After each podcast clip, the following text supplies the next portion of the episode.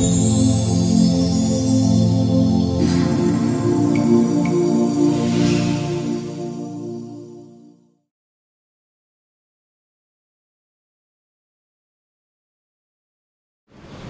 الله الرحمن الرحيم الحمد لله الحمد لله الذي فرض علينا صيام شهر رمضان والصلاة والسلام على خير خلقه محمد الذي سن لنا قيام شهر رمضان. رمضان آي روزة سنة تطمقنا بزدرق فرز قلقان الله تعالى حمد سنة على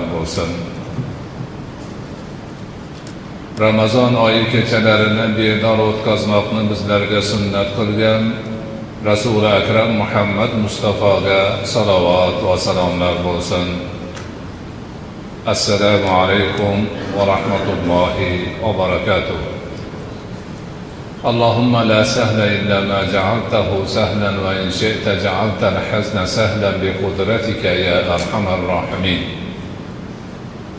الله سبحانه وتعالى مبارك رمضان آینه بزدر چون منفعت نیقلگم بولسن bu oydagi ibodatlarimiz amali solihlarimiz ma'rifiy urinishlarimizni hammasini barakotli qilgan bo'lsin. Doimo biz mo'min musulmon insonning hayotida ma'rifat ya'niki ta'kidlangan uncha mancha narsaga o'zgarib qolmaydigan puxta ilm qanchalik ahamiyatli ekanini qayta qayta takrorlamoqdamiz.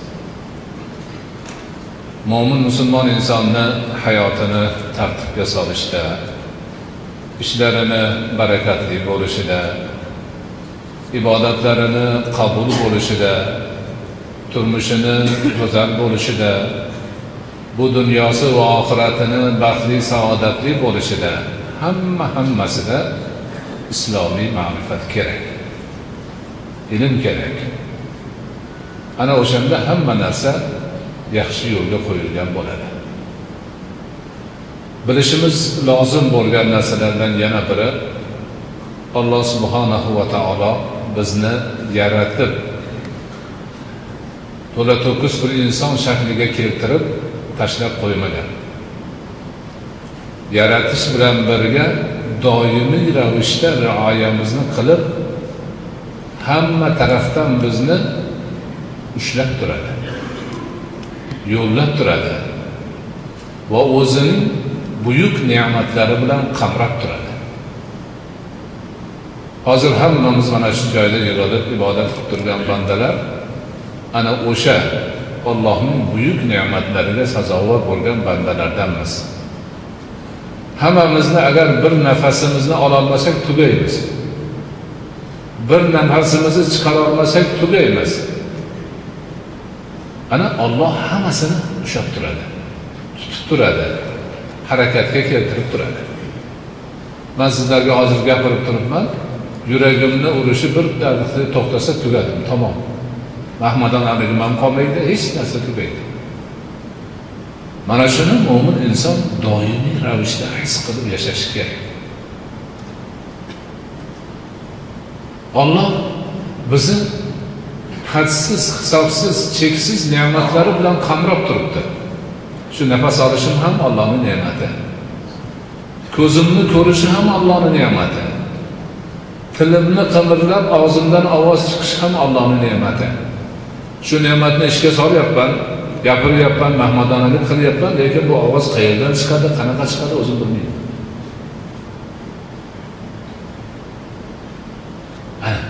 Ollohni qudrati qanday? Allohni siz bilan biz bandalariga bo'lgan marhamati qanday? Inoyati qanday? Ana shuning uchun biz mana shu ne'matlarni faqatgina alloh taolo berishini tushunib yetishimiz va ana o'sha ne'matni zoyi qilmasligimiz o'sha ne'matni shukrini o'rniga qo'ymog'imiz matlubdir. Ne'matni shukri ikki qismdan iborat bo'ladi. Birinchisi ne'mat bergan zotga bergan ne'mati uchun maqtov aytish hamd sano aytish. Alloh manga jon berdi tan berdi qo'l berdi ko'z berdi. Va shunaqa shunaqa. Oxirida yetib bo'lmaydigan sanab odamga yetib bo'lmaydigan narsalarni berdi.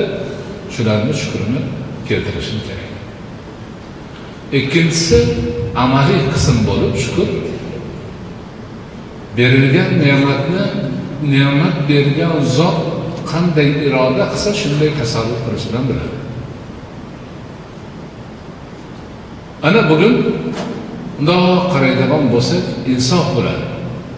Bandalik holimizga tushib o'zimizni ojizligimiz zaifligimiz hojatmandligimiz xorizorligimizni anglab yetib o'ylaydigan bo'lsak juda ko'p ne'matlarni isrof qilyapmiz.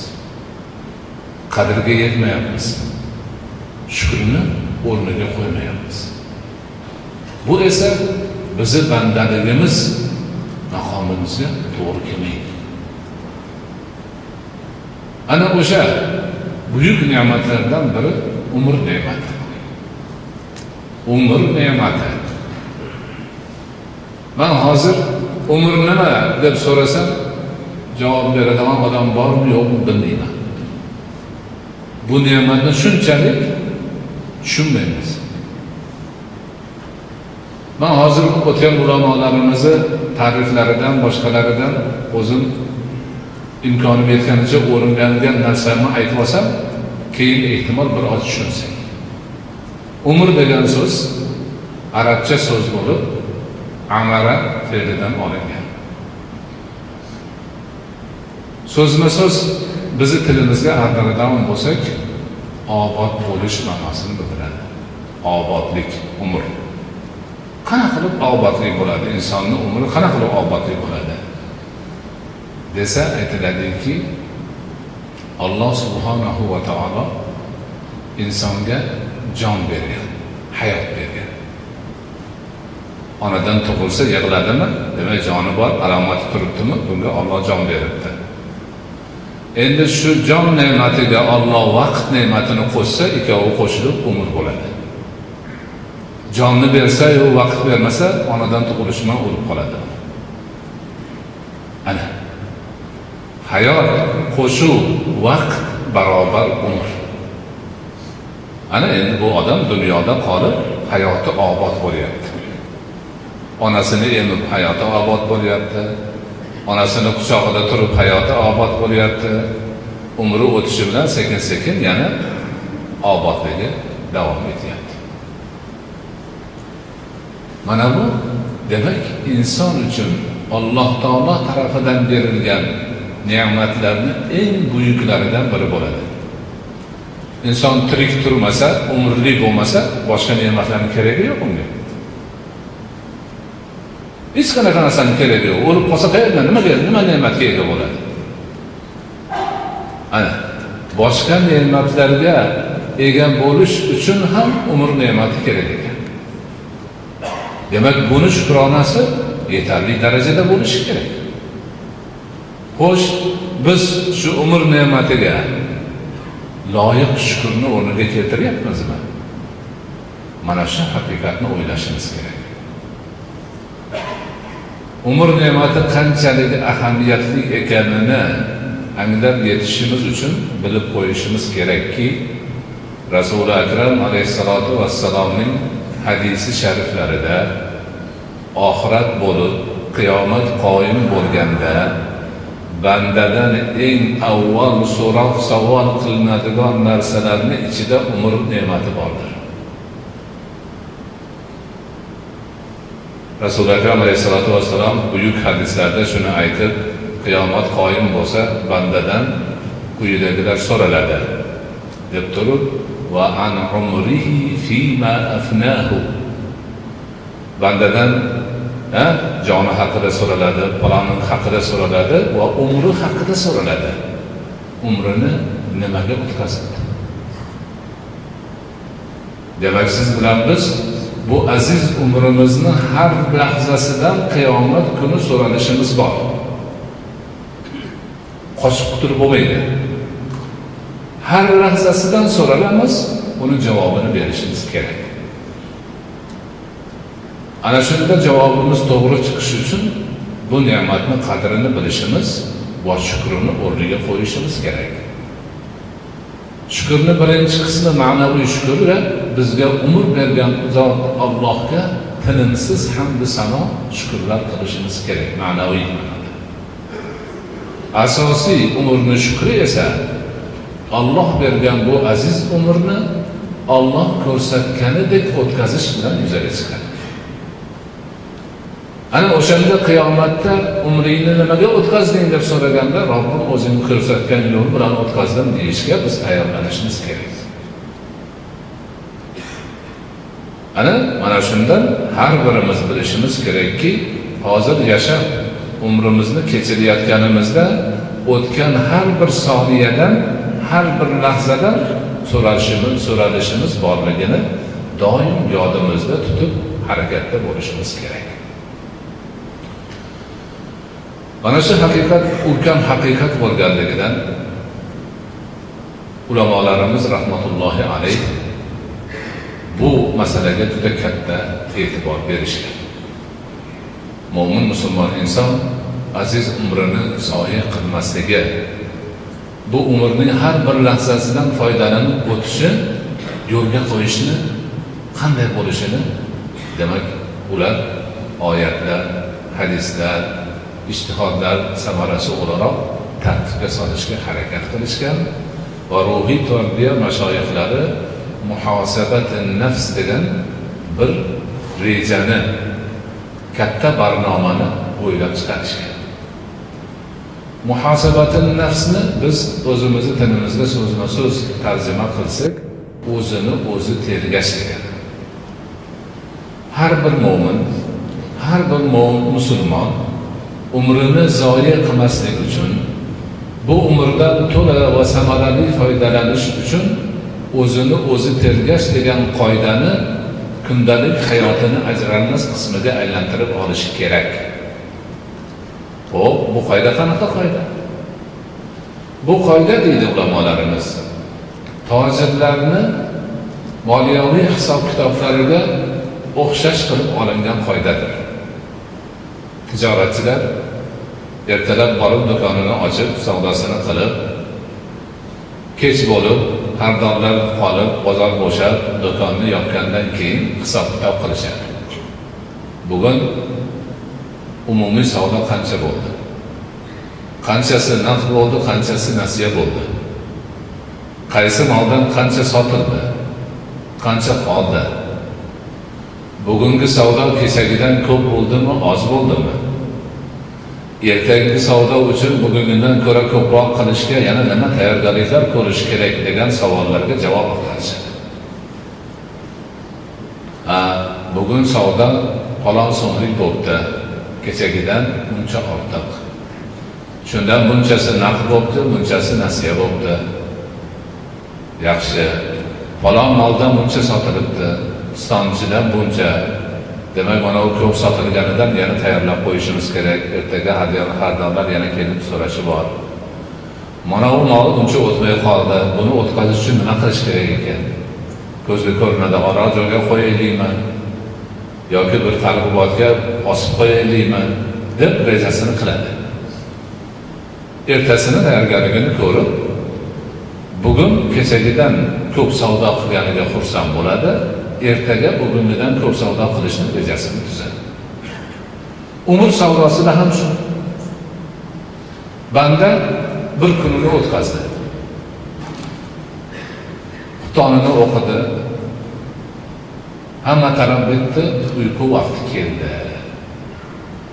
Uyqu o'rnidan joy olganda endi bir kunlik qilgan ajrini savobini ibodatini xatosini gunosini hisob kitob qilsin ertalab turdim alhamdulillah uxlab qolmabman bomdodga tahoratni qildim buncha savob ikki rakat namoz o'qidim buncha savob masjidga bordim jamoatga buncha savob borganimda buncha yo'l yurdim unga savob qaytganimda buncha savob oldim. Nonushtani qildim. Bolalarimga nima ko'rsatmalar berdim ularni to'g'ri yo'lga boshladim. Hammasini hisoblab allohdan umid qilib demak ko'chaga chiqib ishimga bordim. Hammasini qadamma qadam hisoblaydi. Ibodatlarni qay darajada bajardi? Nima yerda xatoga yo'l qo'ydi? Qanday savobli ish qildi? Qayerda o'sha savobni imkoni chiqsa ham dangasalik qilib o'tkazib yubordi hammasini hisobini qiladi. Yotgan joyida demak o'tkazadi? Keyin haligi tojimga o'xshab o bugungi o'tkazgan kunim umr savdosida kechagisidan afzal bo'ldimi yo'qmi afzal bo'lmabdi e yutqizibman ish chatoqibdi umr savdosida zarar ko'ribman bu zarar faqat bu dunyoga emas oxiratga ham hali ta'siri bo'ladi. Endi tavba qilayda bunaqa zararga qaytmaydigan bir chorani qo'llaydigan rejani tuzadi. Ertaga qiladigan ishida yana haligi gap. Bugungidan ko'ra ko'proq savob olish umrni ko'proq foydaga sarflash umrni zoya qilmaslik zarar yo'lga urmaslik choralarini ko'radi.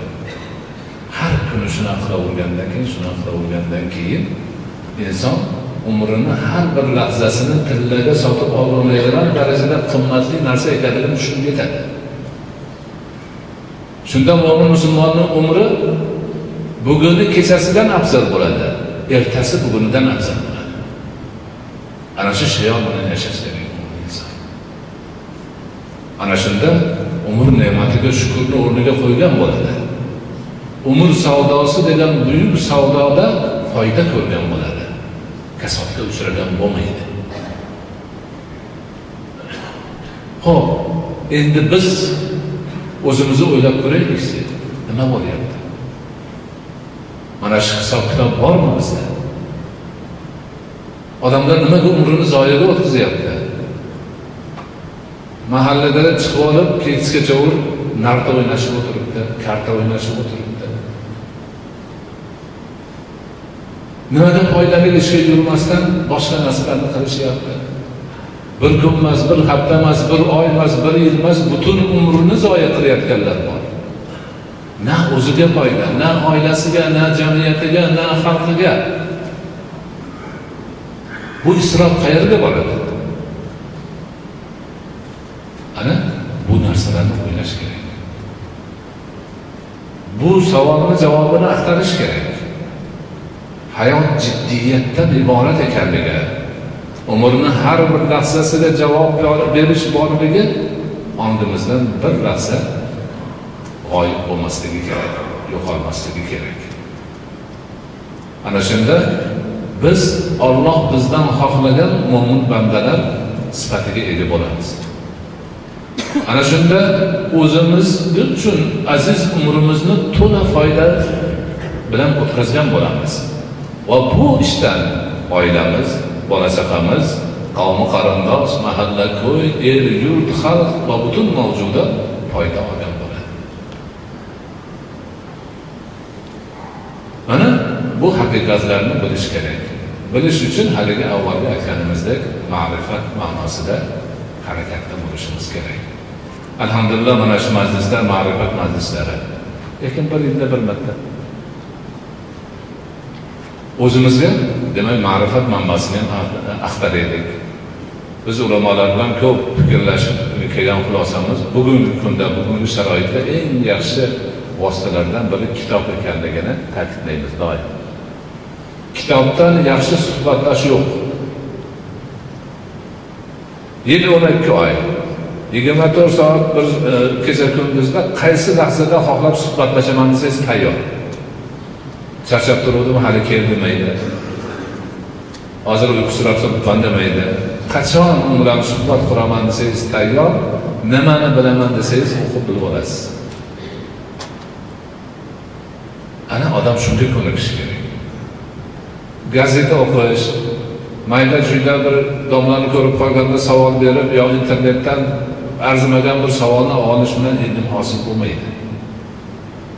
Gazeta o'qisa savol javob u bu maydonni qilsa ma'rifat mayda chuyda bo'lib qoladi.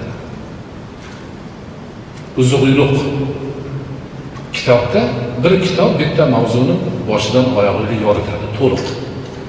Kami ko'zi yo'q haqiqiy ilm shunda paydo bo'ladi. Hozirgi demak axborot tarqatish bilim tarqatish vositalari hammasi dangasalikni yuzasidan kelib chiqqan narsalar. Bitta so'z kerak bo'lib darrov o'rab e, internetni ochib o'z so'zni ma'nosini bilib olib ketaveradi. Orqasida yana yuzta ma'no bor u bilan ishi yo'q. Salmoqli ilm olish uchun foydali ilm olish uchun vaznli ilm olish uchun haligida jiddiyat bilan harakat qilish kerak bo'ladi. Alloh subhanahu va taolo barchalarimizni dinimiz ta'limotlarini puxta chuqur go'zal tarzda o'rganib borishimizni nasib qilgan bo'lsin. Ma'rifatimizni chuqur va ziyoda va foydali bo'lishini nasib etsin. Umr deb atalmish buyuk ne'matni shukronasini o'rniga qo'yishimizda alloh taoloning o'zi yordamchi bo'lsin. Bu aziz umrimizning buyuk ne'matni zoya qilishdan allohni o'zi asrasin. Qiyomat kunida umringni nimaga sarflading deb so'ralganda tilimiz burroq bo'lib yaxshilikka sarflaganimiz iymon e'tiqodga sarflaganimiz ibodatga xayr barakaga sarflaganimizni aytish imkonini alloh hammamizga bersin. Alloh subhanahu va taolo o'zini boshqa ne'matlariga ham shukronani o'rniga qo'yib ham ma'naviy shukurni ham amaliy shukurni amalga oshirib o'zini roziligini topib bu dunyo va oxiratni baxtiga saodatiga musharraf bo'lishimizda o'zi yordamchi bo'lsin وصلى الله تعالى على خير خلقه محمد وعلى آله وأصحابه أجمعين برحمتك يا أرحم الراحمين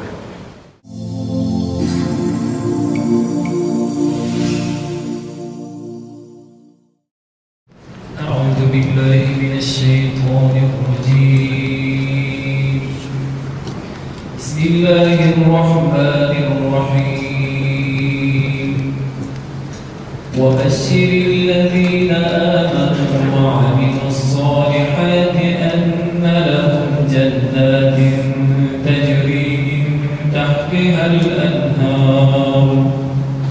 كلما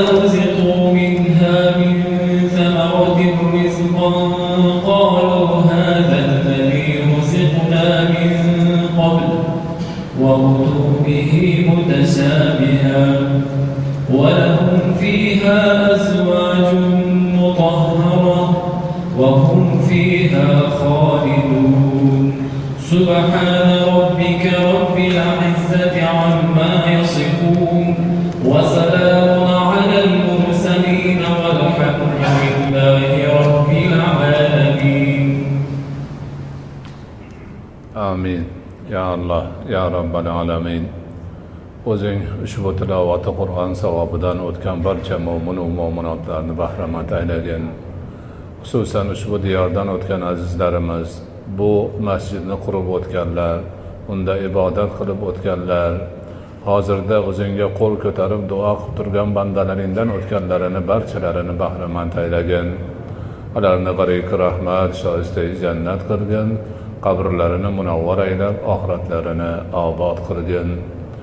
Ushbu qur'oni karimni tirik yurgan mo'min musulmonlarni barchalariga jumladan ushbu jamoatda qo'l ko'tarib o'zingga duo qilib turgan bandalaringga bu dunyoda hidoyatchi qilgin oxiratda shafoatchi qilgin shuningdek ulug' ramazon oyining kunduzlari umid bilan tutayotgan ro'zalarimizni ham qabul aylagin ajr savoblarini ko'paytirib bergin.